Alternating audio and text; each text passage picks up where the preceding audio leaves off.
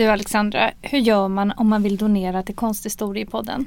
Jo, då går man in på vår Instagram-sida och så går man in på länk i bio och där finns det en knapp som heter Ge en slant till Konsthistoriepodden och den klickar man på.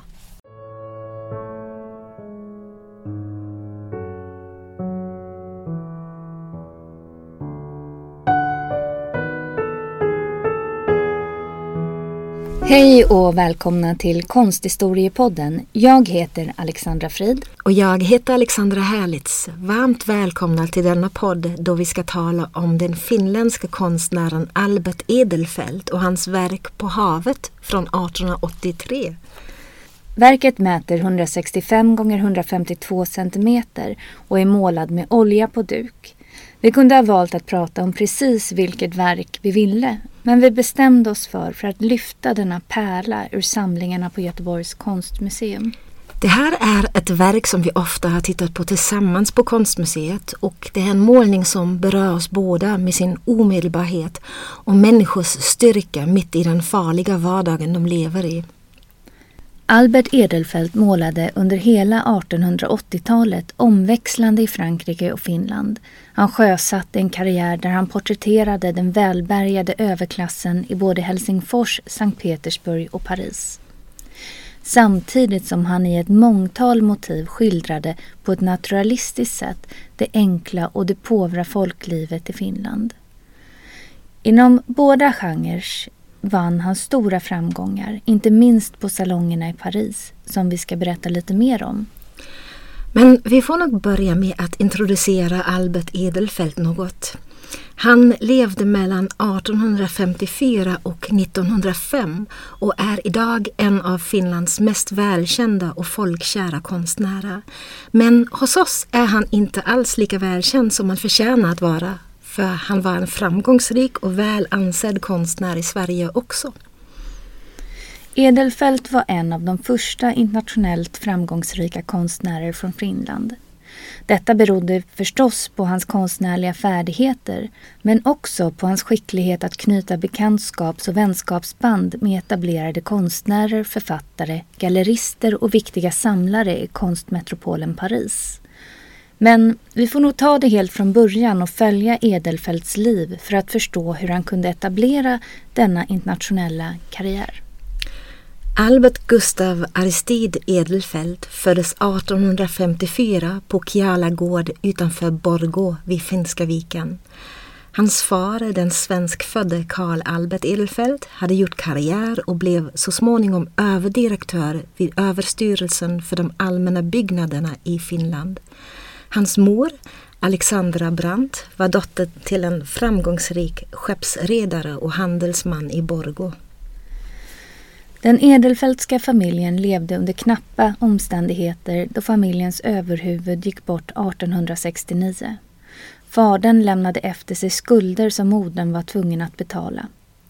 Trots att den kvarvarande familjen hade det mycket knapphänt var modern mycket stöttande och uppmuntrande till Albert Edelfelts val av karriär.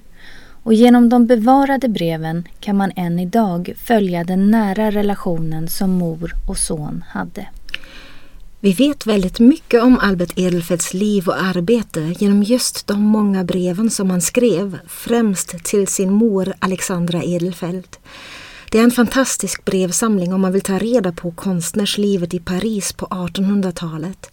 Inte minst för en skandinavisk konstnär som försöker att etablera en karriär i den franska huvudstaden.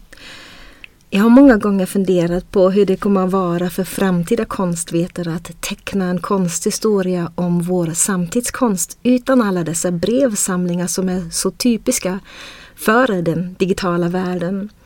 Hur kommer vi kontextualisera konstverken om det inte finns denna typ av rikt källmaterial? Under sommaren 1879 kom Albert Edelfelt för första gången till Haiko utanför Borgå där hans mor köpte en villa i anslutning till Haiko gård vid havet. Haiko gård är belägen i den nyländska skärgården vid Finska vikens norra kust något öster om den finska huvudstaden Helsingfors med andra ord. Denna plats skulle bli en källa av inspiration för Albert Edelfelt som skulle bo i Paris större delen av sitt vuxna liv men som tillbringade somrarna i detta skärgårdsparadis under 26 år. Platsen förblev viktig för honom och var den fasta punkten i hans liv. Många av hans viktigaste friluftsmålningar härstammar från denna miljö. Edelfelt skildrade det klara sommarljuset i dessa målningar som han själv kallade för solskenstycken. Många av verken avbildade härliga sommardagar i Finland med vänner och familj och just dessa idylliska scener var avsedda för den internationella marknaden i Paris. Samtidigt målade han också finstämda porträtt av familjemedlemmar, däribland hans mor och syster. 1883 bestämde han sig för att låta bygga en ateljé med takfönster vid Villa Edelfelt då han tyckte det var svårt att måla utomhus på grund av det finska vädret. Denna ateljébyggnad inhyser nu för tiden Albert Edelfelts ateljémuseum. Målningen på havet ska ha varit det första verket som han målade i denna nybyggda ateljé på Haiko under sommaren 1883 det är även på denna plats Albert Edelfelts liv tar slut i en hjärtattack den 18 augusti 1905 när han bara var 51 år gammal. Och då ska vi titta lite närmare på själva målning. Scenen som läggs framför våra ögon visar en bit ur de finska fiskarnas hårda och farofyllda arbetsvardag. Det är en gråvädersdag och havets yta piskas av vinden. Vi ser en liten segelbåt som ligger olycksbådande snett på havet om vi jämför med horisontlinjen i bakgrunden. Det är en så kallad skötbåt i trä som användes vanligtvis vid strömmingsfiske med fiskenät ut med Östersjökusten. Det är en bred och öppen båt som är avskuren av bildranden vid mellersta sittplankan. Vi möter de allvarsamma blickarna från de två personerna som befinner sig i båten en fiskare och en ung flicka. Fiskaren står i båtens akter och håller emot båtens lutning genom att sträcka sitt ben och de tunga stövlarna mot styrbord. Han sitter vid rodret och håller repanordningen som håller seglet med fast grepp. Han har enkla arbetskläder på sig, en blå skjorta, gråbruna byxor och en svart hatt med brätte. Även flickan befinner sig på barbord och halvsitter på en toft om vilken hennes högra hand håller ett fast grepp medan vänsterhanden antagligen tar stöd mot relingen bakom hennes kropp. Ansiktsuttrycken av de två figurerna är sammanbitna. De verkar titta något snett förbi oss så att deras blickar vilar på en punkt utanför tavlans bildrum.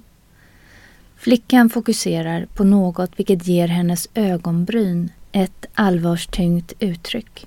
Färgskalan i figurernas kläder upprepas i hela målningen.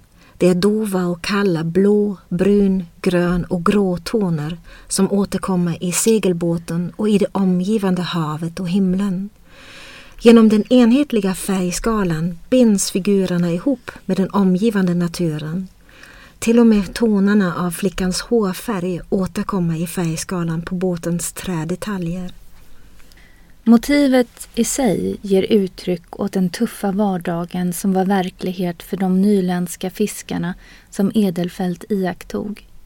Det är en vardag fylld med farliga färder i varje väderlek. I regn, blåst och kyla. Ansiktena talar om för oss att fiskarna har förlikat sig med denna vardag. Att de vet vad de ger sig ut på. Att det inte finns någonting att välja på. Flickans blick drabbar oss mest. Det är en väldigt speciell blick och vi möter den omedelbart. Men ändå inte. Hon ser ut som om hon även blickar inåt. Som betraktare försöker man avläsa hennes ansikte för att förstå vad som försiggås i hennes tankar. Det kan vi inte, men det engagerar oss som betraktare. På ett skickligt sätt får Edelfelt kompositionen att stödja motivets uttryck. De kalla, dämpade tonerna som motivet målas i får oss att känna kylan av denna dag på Finska viken. Vinden som piskar upp havet så att båten lägger sig snett på vågorna och den ostadiga känslan det medför får Edelfelt oss att känna genom båtens diagonala placering i kompositionen. Positionen som vi som betraktare intar är väldigt genomtänkt av Albert Edelfelt. Vi ser ovanifrån in i båten där vår blick möter de fina fiskenäten som ligger utspridda. Båten som seglar i medvind kränger över åt höger och lyfts upp av en våg så att fiskarens gestalt hamnar i brösthöjd över horisontlinjen i bakgrunden. Näten som ligger i båten ska fyllas med dagens fångst. Längst till höger ser vi en klippa och en bergsudde och förstår att vi precis är på väg ut. För vi verkar vara med i båten. Det här är ett viktigt kompositionellt grepp av Edelfelt som passar väl in i den realistiska stilen. Inom det sena 1800-talets realism skildrades många motiv från de lägre samhällsklasserna med skoningslös naturtrogenhet. Det var allt från utsatta, övergivna eller hungriga barn till kvinnor som prostituerade sig eller slet på annat sätt dag och natt för att livnära familjen. Väldigt många målningar visade hårt arbetande människor utförande sina vardagssysslor både på fabrikerna och i traditionella yrken som bönder och fiskare. Kampen för tillvaron var ett återkommande tema inom detta måleri. Dessa målningar hade en närmast politisk agenda och synliggjorde de hårda livsvillkoren för den arbetande befolkningen i de lägre samhällsklasserna. Betraktaren skulle möta de avbildade människorna med medkänsla. Därför är ofta inkännande aspekter inkorporerade i kompositionen. Inte bara i skildringen av utsattheten av de målade figurerna utan gärna även i perspektivet. Det ser vi även i Edelfells målning på havet. Betraktaren är tydligt placerad i båten. Vi ser ovanifrån ner på båtens botten och sittplankor. Samtidigt som båten inte är fullständigt återgiven på duken. Genom att den är avklippt i målningens förgrund placeras vi som betraktare i fören. Den diagonala kompositionen av båten gör dessutom att vi uppfattar det som att vi själva också sitter där på babordssidan. Precis som de två andra figurerna som vi ser framför oss. Genom denna komposition kan vi som betraktare identifiera oss med dem. Blickpunkten ligger i höjd med flickans ansikte vilket för oss närmare henne och hennes upplevelse. Vi ser hennes allvarsamma blick och förstår att denna båtfärd på ett stormigt hav är vardag för henne. Målningen på havet motsvarar inte bara realismens tematiska budskap utan följer även den akademiska konstens alla regler i sitt utförande. Edelfelt är noggrann och målar på ett naturtroget sätt figurerna, båten och den omgivande naturen. Samtidigt som hans komposition är väl genomtänkt och balanserad och stödjer motivet av den ostadiga färden med fiskebåten. Albert Edelfelt hade vid den tidpunkten studerat för den franska konstnären Jean-Léon Gérôme, en av de ledande akademiska konstnärerna vid École des Beaux-Arts i Paris, som i sin konst kombinerade nyklassicismens tankar med romantikens förhållningssätt, där betoningen alltid låg på sentimentet, alltså på känslan. Men redan innan Albert Edelfelt kom till Paris 1874 hade han en gedigen utbildning från flera olika platser i Europa. Som 14-åring började han sina konstnärsstudier på Finska konstföreningens ritskola där han studerade olika skisstekniker och arbetade efter kopior av antika skulpturer. Vid 16 års ålder tog han studenten i Helsingfors och samma år fortsatte han sina konstnärliga studier hos Adolf von Becker som 1869 hade etablerat den klassiska konstakademiundervisningen i Finland. Två val blev avgörande för Edelfelts konstnärskarriär. För det första valde Edelfelt att studera måleri vid Adolf von Beckers privatakademi från 1872. För det andra gjorde han en utbildningsresa till Sverige och Köpenhamn. På grund av denna resa upplevde han den konstnärliga utbildningen i Finland som gammalmodig och outvecklad. Dessutom ansåg Edelfelt att landet saknade betydande konstsamlingar och ett tillräckligt inspirerande konstnärsliv. Den finska konstföreningens ridskola hade grundats så sent som 1848, alltså 200 år efter konstakademin i Paris. Det var först på 1860-talet som konstsamlingar öppnades för allmänheten. Tidigare hade endast studenter haft viss tillgång till delar av samlingarna. När Edelfelt var ung fanns det alltså inget museum som var öppet för allmänheten i Finland. Rösterna började höjas inom den finska kultureliten att landet behövde egna historiemålare som skulle kunna illustrera landets historia. Därför började en grupp mecenater stödja konstnärer som kunde utbilda sig utomlands. På så sätt tilldelades Albert Edelfelt 1873 ett utlandsstipendium för att fortsätta sina studier vid konstakademin i Antwerpen. Edelfelt anlände i Antwerpen i början av oktober samma år och blev omedelbart antagen till antikklassen och gick vidare till måleriklassen efter bara en månad. Utöver de praktiska kurserna fick Edelfelt undervisning i perspektivlära, anatomi och historia samt kostym och dräkthistoria. De viktigaste ämnena var komposition och historiemåleri. Akademin i Antwerpen var känd för att vara sträng och den unga Albert Edelfelt fick likt de andra eleverna arbeta i en hård takt. I Antwerpen fick Edelfelt alltså en stabil grund i figurteckning och måleri och den omfattande undervisningen byggde på naturtrogen återgivning. På akademin i Antwerpen fanns ett prestigefyllt pris i historiemåleri som eleverna tävlade om. Med akademins lärare och elever som jury. Edelfelt avslutade framgångsrikt sina studier i Antwerpen i maj 1874 med bronsmedaljen som tilldelades honom på examensfesten. Bara någon vecka senare anlände Edelfelt till Paris för att fortsätta sina konstnärsstudier. Han slösade inte bort sin tid utan sökte direkt in till Jean-Léon Jérômes målarateljé vid den statliga franska konstakademin École de Beaux-Arts. Hela utbildningen byggde på en tävlingsstruktur från att eleverna antogs till utbildningen till olika pristävlingar om stipendier. En av de mest eftertraktade kurserna var Konstakademins kvällskurs. Sedan inrättandet av Konstakademin i Paris hade professorerna själva fått välja ut sina elever till utbildningen. Edelfelt lyckades att ta sig in vid första försöket. På kvällskursen fick eleverna en uppgift i veckan som gick ut på teckning efter antik skulptur eller levande modeller.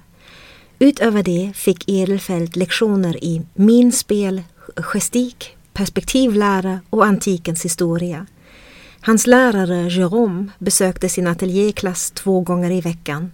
På onsdagen korrigerades verken och på lördagen rangordnades elevernas arbeten.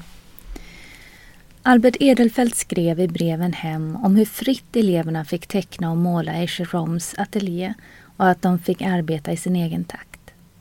Eleverna fick den friheten att måla hur de ville, det vill säga läraren var bara intresserad av resultatet.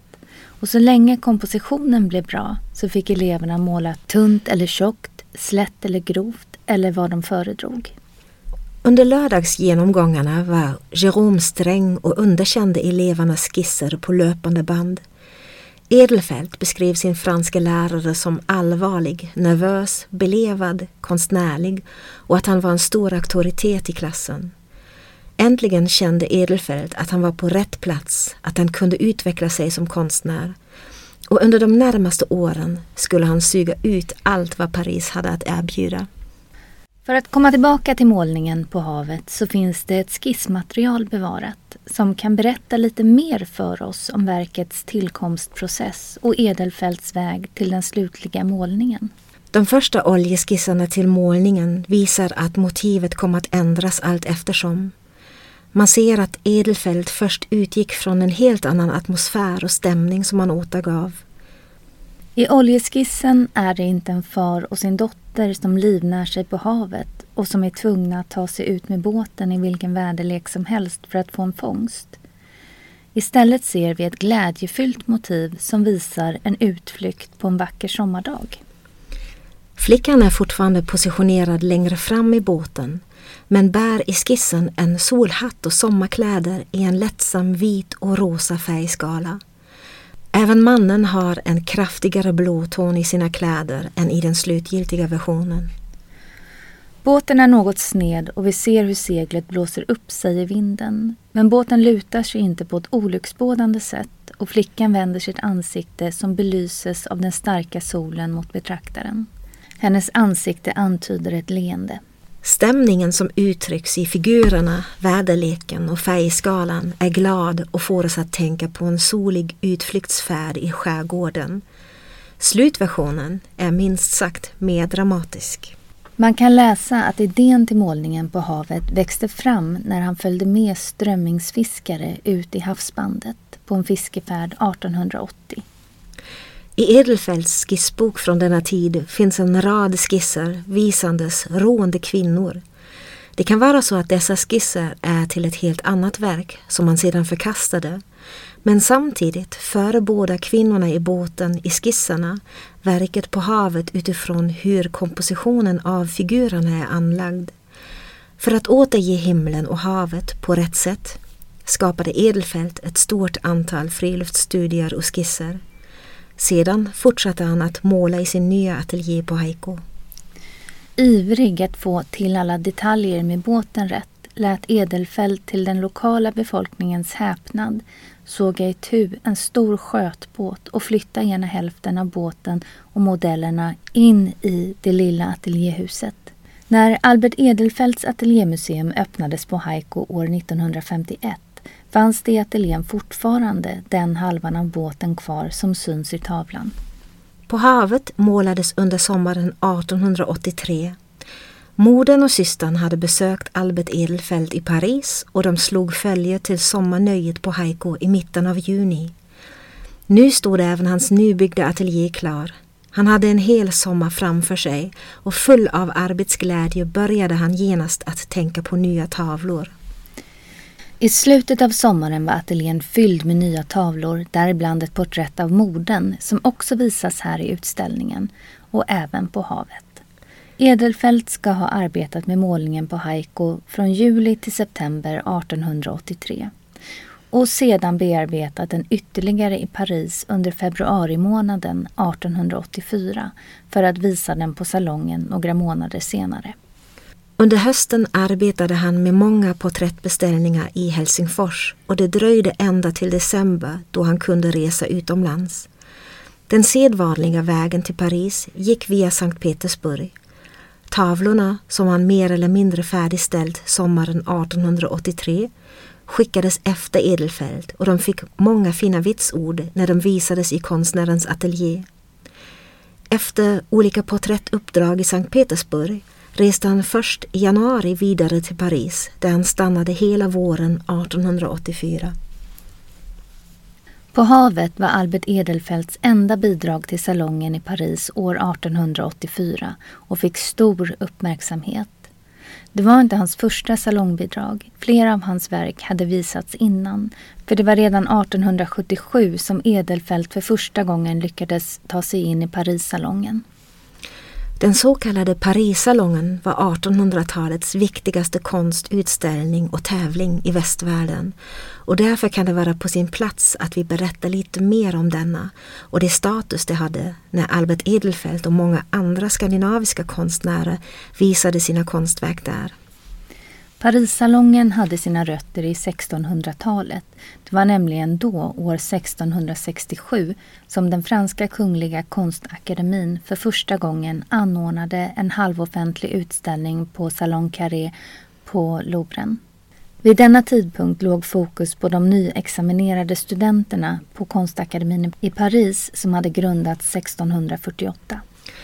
Från och med år 1737 öppnades dessa utställningar för en större publik och flyttades därför över till en större lokal, Grand Salon på Louvren. Först hölls utställningen årligen, sedan vartannat år. 1748 blev juryn introducerad för första gången och från och med denna tid var salongen den viktigaste händelsen i konstens Frankrike. Under 1800-talet började utställningen anordnas årligen igen och var inte bara för akademielever. Men även om man inte var akademielev utan utbildade sig på de fria målarskolorna i Paris, vilket många skandinaver gjorde, antogs endast konstverk som var utförda i akademins konventionella uttryck och komposition. I slutet på 1800-talet, när Albert Edelfelt deltar i salongerna, talar vi om en enormt stor utställning där tusentals verk visades och det är juryn som bestämde var i utställningens lokaler konstverken skulle placeras och avgjorde därigenom hur synliga de blev för privata samlare och potentiella köpare. Dessutom var salongen en viktig språngbräda för konstnärer från västvärldens alla länder. Man flyttade till Paris för att utbilda sig i Europas konstcentrum och för att hålla sig ajour med det senaste modet inom konstvärlden. Sedan skickade man in sitt bästa verk till salongen. Blev man antagen och utställd betydde det att man var en erkänd konstnär. Om verket dessutom blev prisbelönat innebar det en enorm skjuts för karriären även i hemlandet. Även Albert Edelfelt hade sökt sig till Paris för att sjösätta en karriär. 1874 kom han till Paris. 1880 blev han belönad med guldmedalj för sin friluftsmålning Ett barns ligfärd, som också den härstammade från tiden på Haiko. Porträttet av den franske forskaren Louis Pasteur som han målade 1885 befäste slutligen hans ställning i den franska konstvärlden då verket förvärvades av den franska staten för att visas på Sorbonne-universitetet. Om man tittar på det sena 1800-talets konstverk så ser man att de är ganska stora. Om ni tänker på till exempel konstverk som Gustav Cederströms välkända målning Karl XIIs likfärd som ju finns i original här på Göteborgs konstmuseum och som kopia på Nationalmuseum i Stockholm. Det är ett verk som målades till salongen 1878. Att många av dessa tavlor målades i denna storleksordning har ett samband med Parissalongen. Målade man i större dimensioner syntes ens verk även ifall man fick en sämre placering. Verken hängdes ju på hela väggen, även högt upp under taket. Placeringen på salongen var mycket viktig och det är sådant som man ofta får läsa om i de skandinaviska konstnärsbreven från Paris. Att konstnärer beklagar sig över den dåliga placeringen på salongen eller skriver att de är nöjda med sin placering. Även Albert Edelfelt skrev till sin mor om placeringen av verket på havet. Den 1 maj 1884 skriver han i direkt anslutning till salongens vernissage. Nu är vernissagedagen över och jag känner mig lättare om hjärtat. Min tavla är tämligen välplacerad men har något lite fläckigt och småaktigt i utförandet som jag icke märkt förut. Överhuvudtaget är jag nöjd och tyckte mig märka att människor fäste sig vid tavlan. Att han uttrycker sig lite missnöjd angående den egna prestationen är inte så märkvärdigt när man har läst alla brev som han skrivit hem till sin mor under vårens gång medan tavlan förbereds för salongen. Och han vacklar även framöver angående placeringen av tavlan. Bara åtta dagar efter salongens öppnande skriver han hem Lite melankolisk har jag varit över min tavla som verkligen ej tar sig så bra ut på salongen som här hos mig. Den har en slags respektabel succé d'artist men det stora publikum stannar vid tavlan bredvid. En Lipsils historia med sörjande barn och krucifix och fattigdom som nog kunde vara bra om man ej så tydligt skönjade den ohedliga avsikten. Man blir ju onekligen lite nyfiken på denna Lipsils historia och hur den såg ut och vem som var dess upphovsman. Och den grävde vi fram i salongens utställningskatalog. Det är nog den franska akademiska konstnären Louis Deschamps med sitt verk Chose vue un jour de printemps, alltså Sak sett på en vardag, som är alltså ett verk som är inspirerad av en dikt av Victor Hugo. Och denna målning ogillade alltså Albert Edelfelt att vara utställd bredvid. Men det är inte bara placeringen som ger Edelfelt bekymmer, utan även ramen av verket. Den 10 mars skriver han Nu börjar jag få lite salongsfeber. De sista dagarna innan tavlan ska avsändas börjar mitt måleri se allt sämre ut i mina ögon. Men det blir väl bättre. Så gör jag mig samvetsförebråelser över att jag ej har gjort en svart ram som kanske bättre skulle ha låtit de ljusa färgerna göra sig gällande. Enfin, det är gjort som gjort är. Just ramen hade han funderat över tidigare i ett brev i februari när han till slut beställde guldramen efter han hade försökt med svart ram och då tyckte att det såg för sorgligt ut.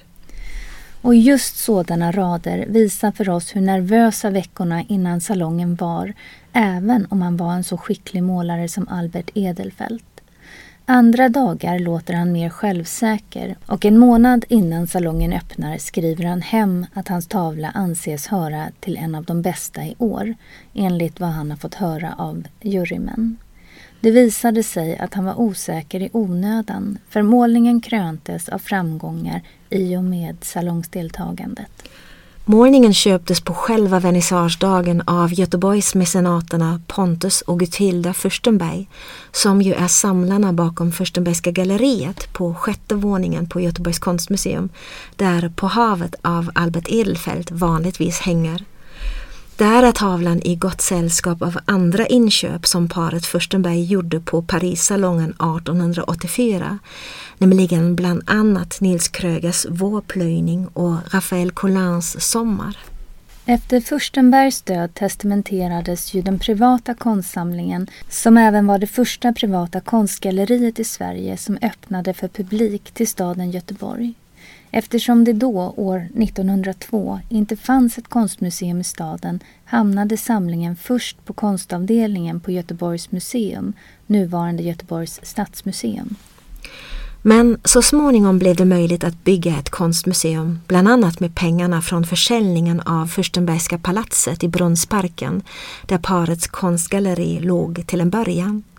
Och så hamnade Albert Edelfelts verk på havet tillsammans med nästan alla de andra konstverken från Furstenbergska palatset på Göteborgs konstmuseum när det invigdes 1925.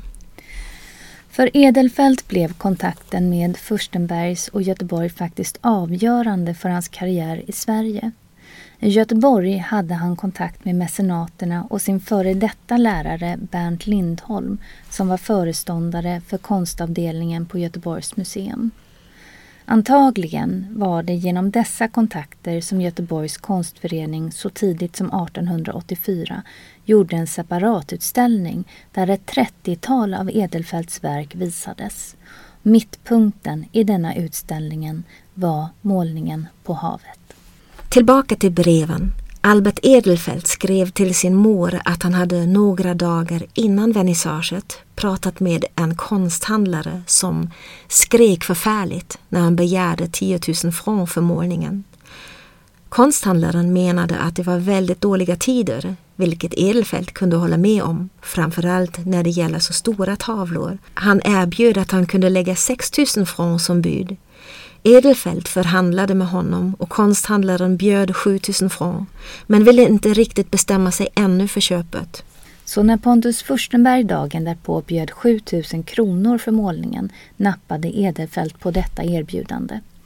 Edelfelt förklarade i brevet till morden att det var av stor betydelse för honom att han på så sätt i framtiden kunde komma överens med Furstenberg att låna tavlan och ställa ut den i andra sammanhang.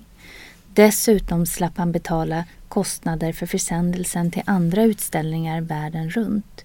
Sist men inte minst var det viktigt för honom att tavlan kom till Norden och dessutom till det första privata konstgalleriet i Norden. Edelfelt berättar i brevet till modern att Furstenberg gjorde upp denna affär i en handvändning på ett stort nordiskt konstnärsgille kvällen innan. Samtidigt ber han sin mamma att inte tala om priset och att säga att hon inte vet om någon frågar. Då Albert Edelfelt i Paris gick och berättade att han hade sålt den för 10 000 francs. Ja, och det här är någonting återkommande i Albert Edelfelts karriär. Det är skenet som är väldigt viktigt för honom, också för att etablera sitt eget rykte. Hur han framstår utåt, vad folk tänker och tycker om honom, det är ett viktigt led i bilden som han skapar om sig själv. Och det kan vara raka motsatsen i verkligheten. Det här är även något som den nyaste forskningen kring hans äktenskap med ungdomsflamman Elan de Chapelle vittnar om. Paret gifte sig 1888 och många lyfte på ögonbrynen och tänkte att bröllopet var arrangerat. De la Chapelle kom från en finsk frihärlig ett som hade gods på landet och det var tydligt att se att giftermålet var strategiskt då Edelfelt kunde klättra på den sociala stegen och etablera sig hos den svensktalande överklassen. Ceremonin verkar ha varit av det praktiska slaget med syftet att så snabbt som möjligt återvända till Paris där Edelfelt skulle fortsätta att arbeta med sitt måleri. I november samma år föds deras son Erik Johan Albert Edelfelt. I Paris hyrde paret en lägenhet av den svenska läkaren Axel Munthe. Edelfelt skrev till sin mor om hur de utan ekonomiska medel hade gjort om lägenheten till ett konstnärshem till belåtenhet. Möbler som var överflödiga i Edelfelts ateljé flyttades till hemmet och på väggarna hängdes målningar av vänner och av Edelfelt själv. En divan kläddes över med ett moderiktigt exotiskt turkiskt tygstycke. Allt gjordes för att skapa illusionen av ett välbeställt hem, när de ekonomiska möjligheterna i själva verket var rätt begränsade. Silvret som de fick i bröllopsgåva pryddes med familjens vapensköld och monogram för att visa upp den adliga bakgrunden. Genom bevarade brev av makarna kan man läsa hur de arbetade sida vid sida för att skapa sig en gemensam framtid. De var noga med att inte leva över sina tillgångar och att samtidigt uppnå en viss elegans till ett så lågt pris som möjligt. Breven vittnar till exempel om att de försökte slita så lite som möjligt på finkläderna som behövdes vid tillställningar. Trots att det rådde ett samförstånd mellan dem och delvis samma önskemål i livet var deras förhållande inte den stora kärleken. De la Chapelle skrev i ett brev att hon endast hyste vänskapliga känslor gentemot sin man. Och Albert Edelfelt underhöll flera utomäktenskapliga kärleksaffärer. Samtidigt krävde han av henne att hon skulle arbeta hårt för företaget Edelfelt. Hon fick sköta om hushållet och gå på visiter för att skaffa beställningar åt honom. Hon smälte väl in i Paris som vacker, elegant och intelligent kvinna och då hon själv hade målat tidigare var hon även duktig på att tala för makens konst. Trots att det gick bra för Edelfelt som konstnär fann han sig ofta i nedstämda perioder och vilka som påverkade hans liv och tog mycket av hans kraft och energi. Genom breven får vi inblick i dessa nattsvarta stunder som övergick till ljusare stunder då livets nyfikenhet föddes åter genom arbetet. I breven förekommer i stort sett alla namn av rank i Paris. Han verkar ha umgåtts med alla. Edelfelts brev vittnar om hur han ständigt arbetade med att knyta kontakter och hur han alltid satte sin karriär främst. Hans mål som konstnär var att ses som likvärdig med de stora målarna vi kommer att se ett exempel av hans framgångsrika nätverkande och sin marknadsföring när vi tittar närmare på publikationer i samband med salongen 1884 där På havet visades. Vi berättade ju tidigare om hur Edelfelt i ena stunden oroade sig för verkets framgångar. I andra stunden kunde låta övertygad om dess succé. Och det var ett verk som väckte uppmärksamhet. Konstkritiken på denna tid var lite annorlunda, väldigt subjektiv och ofta sträng. Det var ord och inga visor. Att överhuvudtaget vara en av de hundratals utställda konstnärerna som omnämns av de franska kritikerna i de få tidningsspalterna måste ändå räknas som en succé, även om kritik kan föras fram. Det skrivs till exempel att Monsieur Edelfelt har, som hela världen kommer att säga, mycket talang för mycket talang kanske, att han är för noggrann med de minsta detaljerna vilket skadar upplevelsen av verket. I andra tidningar lovordas hans exakta och känslobetonade uppriktiga stil och de levande figurerna. Flickan i synnerhet anses vara väl värt ett pris. Med tanke på Edelfelts nätverkande vill vi även lyfta tidningen Le Monde Illustré som utkom den 3 maj 1884 och som hade fokus på salongen och dess verk. På första sidan fanns en grafisk återgivning av Albert Edelfelts verk På havet. Edelfelt var noggrann att inleda strategiska relationer med pressen. Charles Baud som graverade denna bild i Le Monde Illustré hade han lärt känna nästan tio år tidigare när han var tämligen ny i Paris. Många viktiga kontakter kunde etableras genom Jérômes ateljéklass där han fick kontakt med andra talangfulla konstnärer. I denna klass lärde han känna den amerikanska konstnären Julian Alden Weir som kom att bli en viktig kontakt för honom. Genom Weir lärde han till exempel känna den franska konstnären Jules Bastien Lepage som var förebild för en hel generation av unga målare.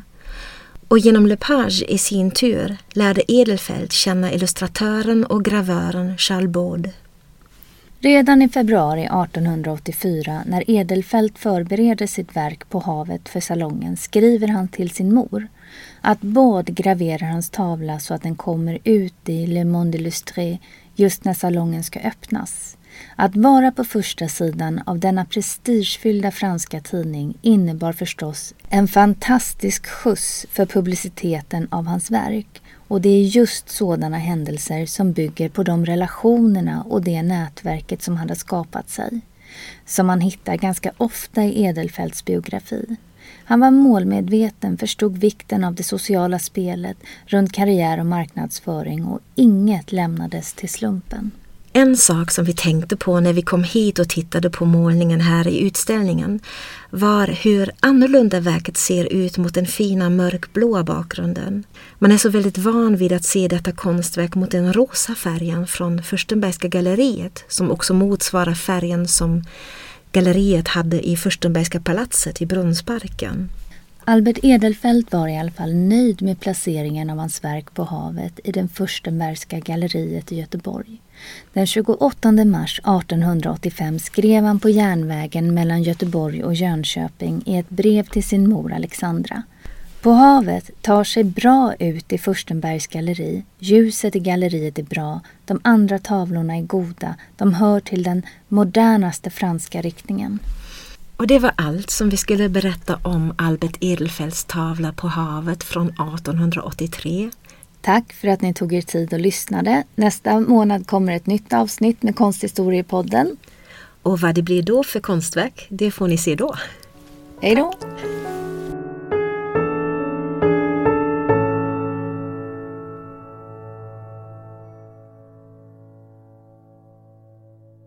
Konsthistoriepodden görs med stöd av Göteborgs universitet. Manus och klippning görs av Alexandra Frid och Alexandra Herlitz